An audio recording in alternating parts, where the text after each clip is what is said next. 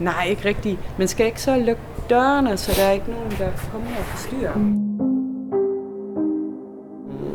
Jamen, øh, altså, Jeg ved ikke, det ved jeg ikke. Øh, det er lidt op til dig. Måske er det fint nok at lukke døren. Ja, så nogle gange har jeg også på en hverdag, så jeg tror, at det går rigtig, rigtig travlt. Velkommen. Du lytter til Ares Public Podcast. Det er en månedlig podcast, som giver et indblik i de arrangementer og events, der sker på vores etage. Mit navn er Majbjørn Ørskov, og jeg er programplanlægger i Ares Public. Vi har hver måned et tema, der definerer de arrangementer, som vi afholder. I februar måned var temaet eksklusion. Så i dette afsnit skal du høre om forfatteren Louise Jensen, der har opfundet sin helt egen litterære genre. Han optrådte til Live-magasinet, der en gang om måneden interviewer interessante personligheder ud fra månedens tema. Du skal også høre om den hollandske billedkunstner Rose Hollemann, der arbejder i Ares atelier frem til april, hvor hun blandt andet maler udstoppede fugle. Rigtig god fornøjelse. Jeg er Julie Krog Vistisen, øhm, og jeg i den her sammenhæng er jeg, har jeg startet Live-magasinet, som er et journalistisk sceneshow. Jamen lige om lidt, der starter det fjerde live-magasin, som vi holder for Aarhus Public. Øh, og i aften, der er temaet eksklusion.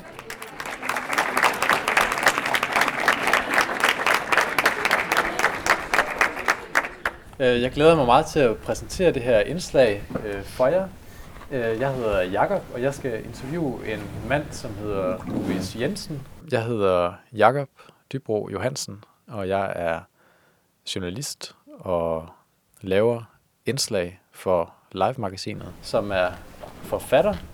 Og han er ikke en hvilken som helst forfatter.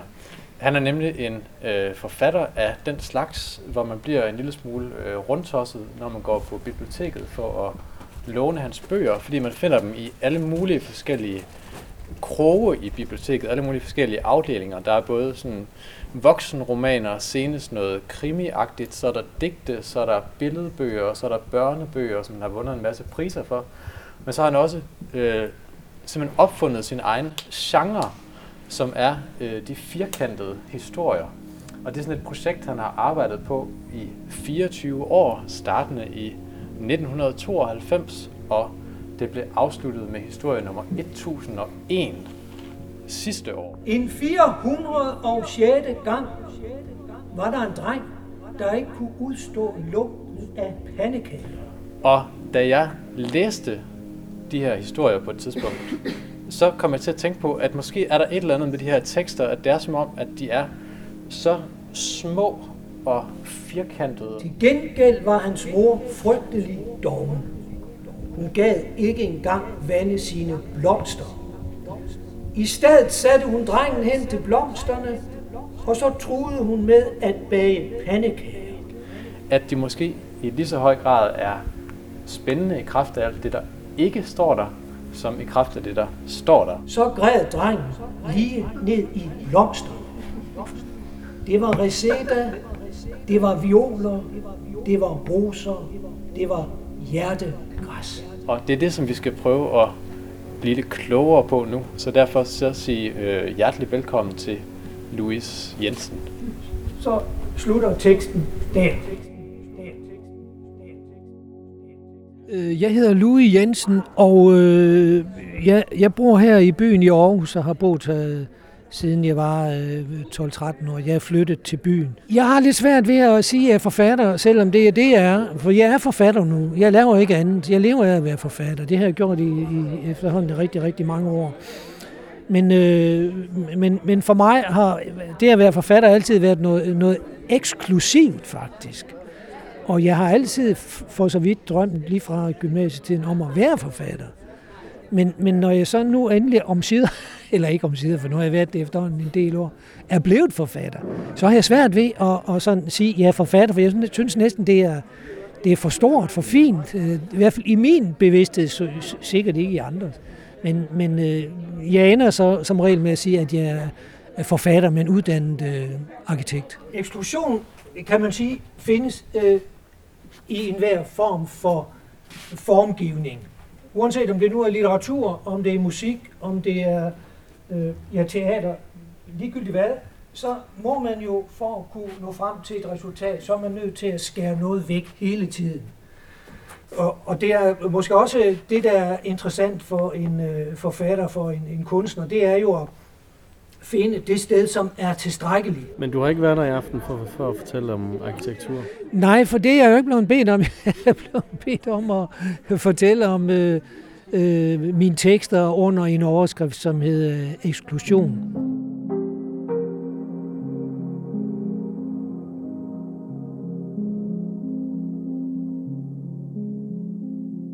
Så jeg hedder Rose, Rose Holman, øh, og jeg er en hollandsk billedkunstner, som bor i Danmark. Øh, og har boet i Danmark i øh, sådan to og et halvt år. Øh, og jeg har arbejdet som billedkunstner øh, siden siden fire og fem, fem år, og jeg er uddannet også i Holland. Og jeg arbejder, altså mit medium er nok øh, tegning, og jeg arbejder med pastelkridt på sådan nogle store formater. Det her atelier det er et kæmpe akvarium, så alle vægge er nok lavet af glas. Så der er hele tiden folk, der kommer forbi og kigger på det. Og så nogle af væggene, det er, der er sådan nogle store stykker papir, der er klistret på med uh, tape. Øh, og papiret, altså de her stykker papir, de er nok to og et halvt meter høj, og øh, i bredden måske halvanden meter, og der, jeg kigger nu på fire af dem, og to er på sort papir, og det viser nogle udstoppede paradisfugler. Jeg havde en undertitel på mit interview, og der havde jeg valgt en, en linje fra et af Louises, øh, en af Louises historier, som var Fuglen og dens sang er nok. Men det, altså, der er nogle ting, der sidder bare i, øh, i hænderne. Altså, jeg har tegnet rigtig mange af de her fugleskin, for eksempel. Så den måde at arbejde på, det er, um, øh, som er jo sådan meget fysisk, fysisk arbejde, og øh, det behøver jeg faktisk ikke så meget at tænke på, fordi jeg kender, mm, selvom man laver måske en ny slags fugl, eller en ny, øh, et nyt billede, øh, så har man i hvert fald en fornemmelse, hvad, hvor det komme til at, hvad det kommer til at være, hvad det kommer til at ske. Så tør man jo at, at gøre sådan nogle ting, men øh, når man har nogle andre idéer øh, om andre emner og andre objekter, så øh, kan jeg godt blive sådan lidt nervøs, når der står folk og klør på det. En 874. 20. gang var der fuglen og fuglens sang. Hvad var der mere? Kun fuglen og dens sang. Ikke mere. Fuglen og den sang er nok. Så slutter teksten der.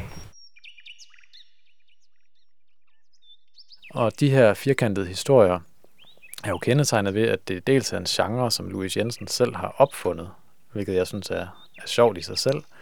Øh, men derudover er mange af dem enormt korte, øh, og det vil sige, når man ser dem simpelthen grafisk på en side, så er der et kvadrat, så de er fysisk firkantede.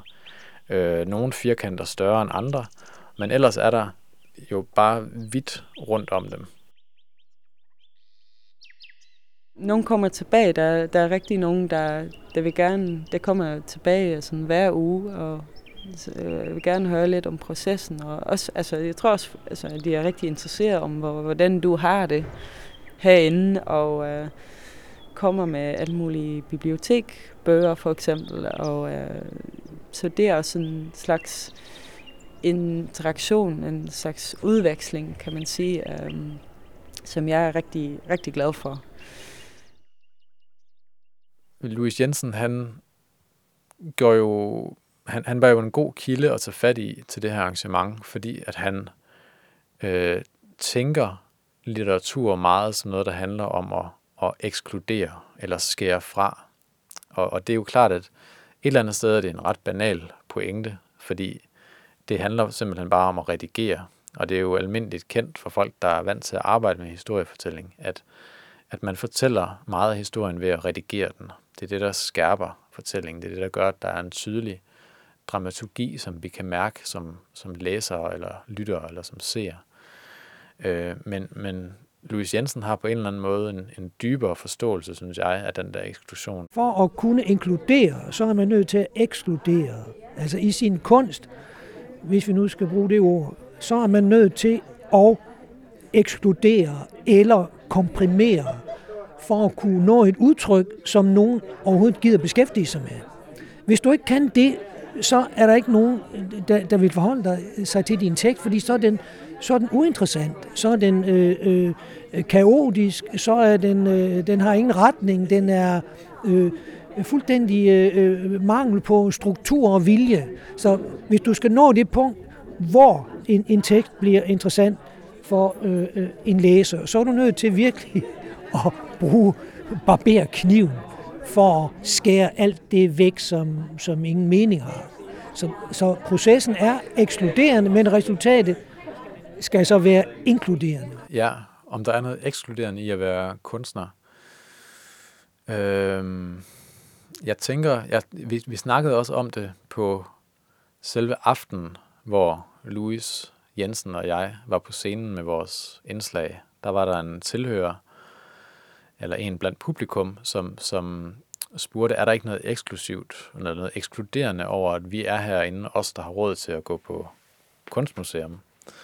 Og den tanke kan jeg bestemt godt følge. Så er vi lidt over i, i hele den her den sociale problematik og det, det politiske.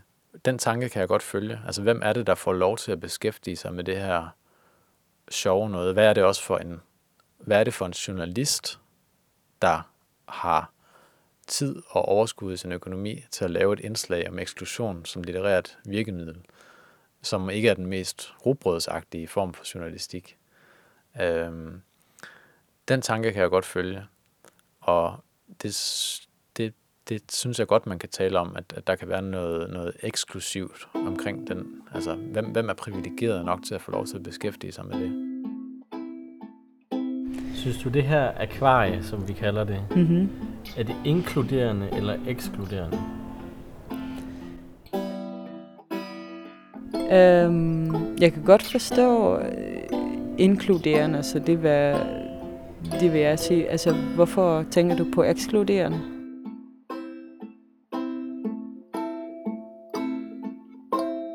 Fordi du kan lukke døren, når du vil. Du kan lukke, man kan sige, du kan lukke folk ude, når du vil. De kan stadig godt kigge ind, men de kan ikke være en del.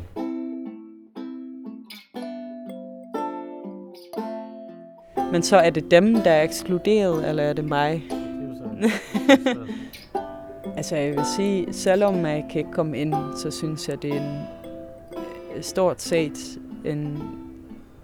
Øh, men det kan jeg ikke. Jeg kan ikke svare for et publikum, men jeg synes, det er en inkluderende erfaring, fordi man kan, må jo kigge ind i et atelier, selvom dør, døren er lukket. Man kan jo se mine fodspor på gulvet. Man kan se mine øh, tekopper og teposer og skrald over det hele. Men i hvert fald kommer man i hvert fald lidt tættere på, ikke? Omvendt kan man også sige, det at skabe kunst øh, og beskæftige sig med kunst, også som, som, som forbruger, altså som forbruger af kunst, tror jeg også er en menneskelig ting, og noget, som folk gør, øh, uanset hvad deres sociale status er. Altså, jeg tror egentlig, det ligger i mennesket, øh, og at vi alle sammen har mulighed for at være kunstnere i en eller anden udstrækning.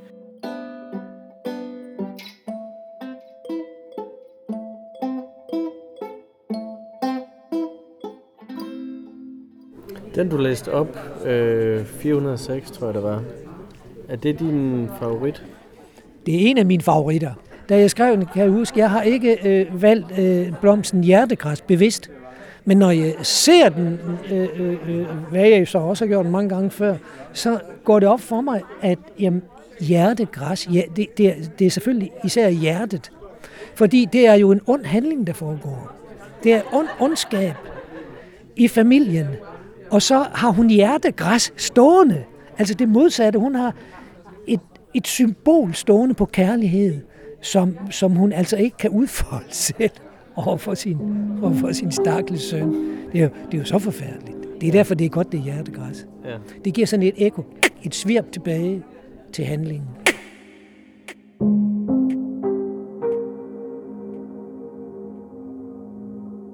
En 406. gang var der en dreng, der ikke kunne udstå lugten af pandekager.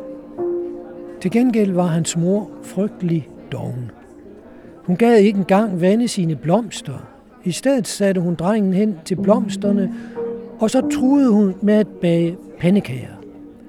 Så græd drengen lige ned i blomsterne. Det var reseda, det var violer, det var roser, det var hjertegræs. Mit navn er Maj Bjørn Ørskov, og du har lyttet til Aros Public Podcast. Hvis du godt kan lide det, du har hørt, så tag og del det med en anden, som du godt kan lide. Du kan både finde os på SoundCloud og i din foretrukne podcast-app ved at søge på Aros Public Podcast. Vi lyttes ved.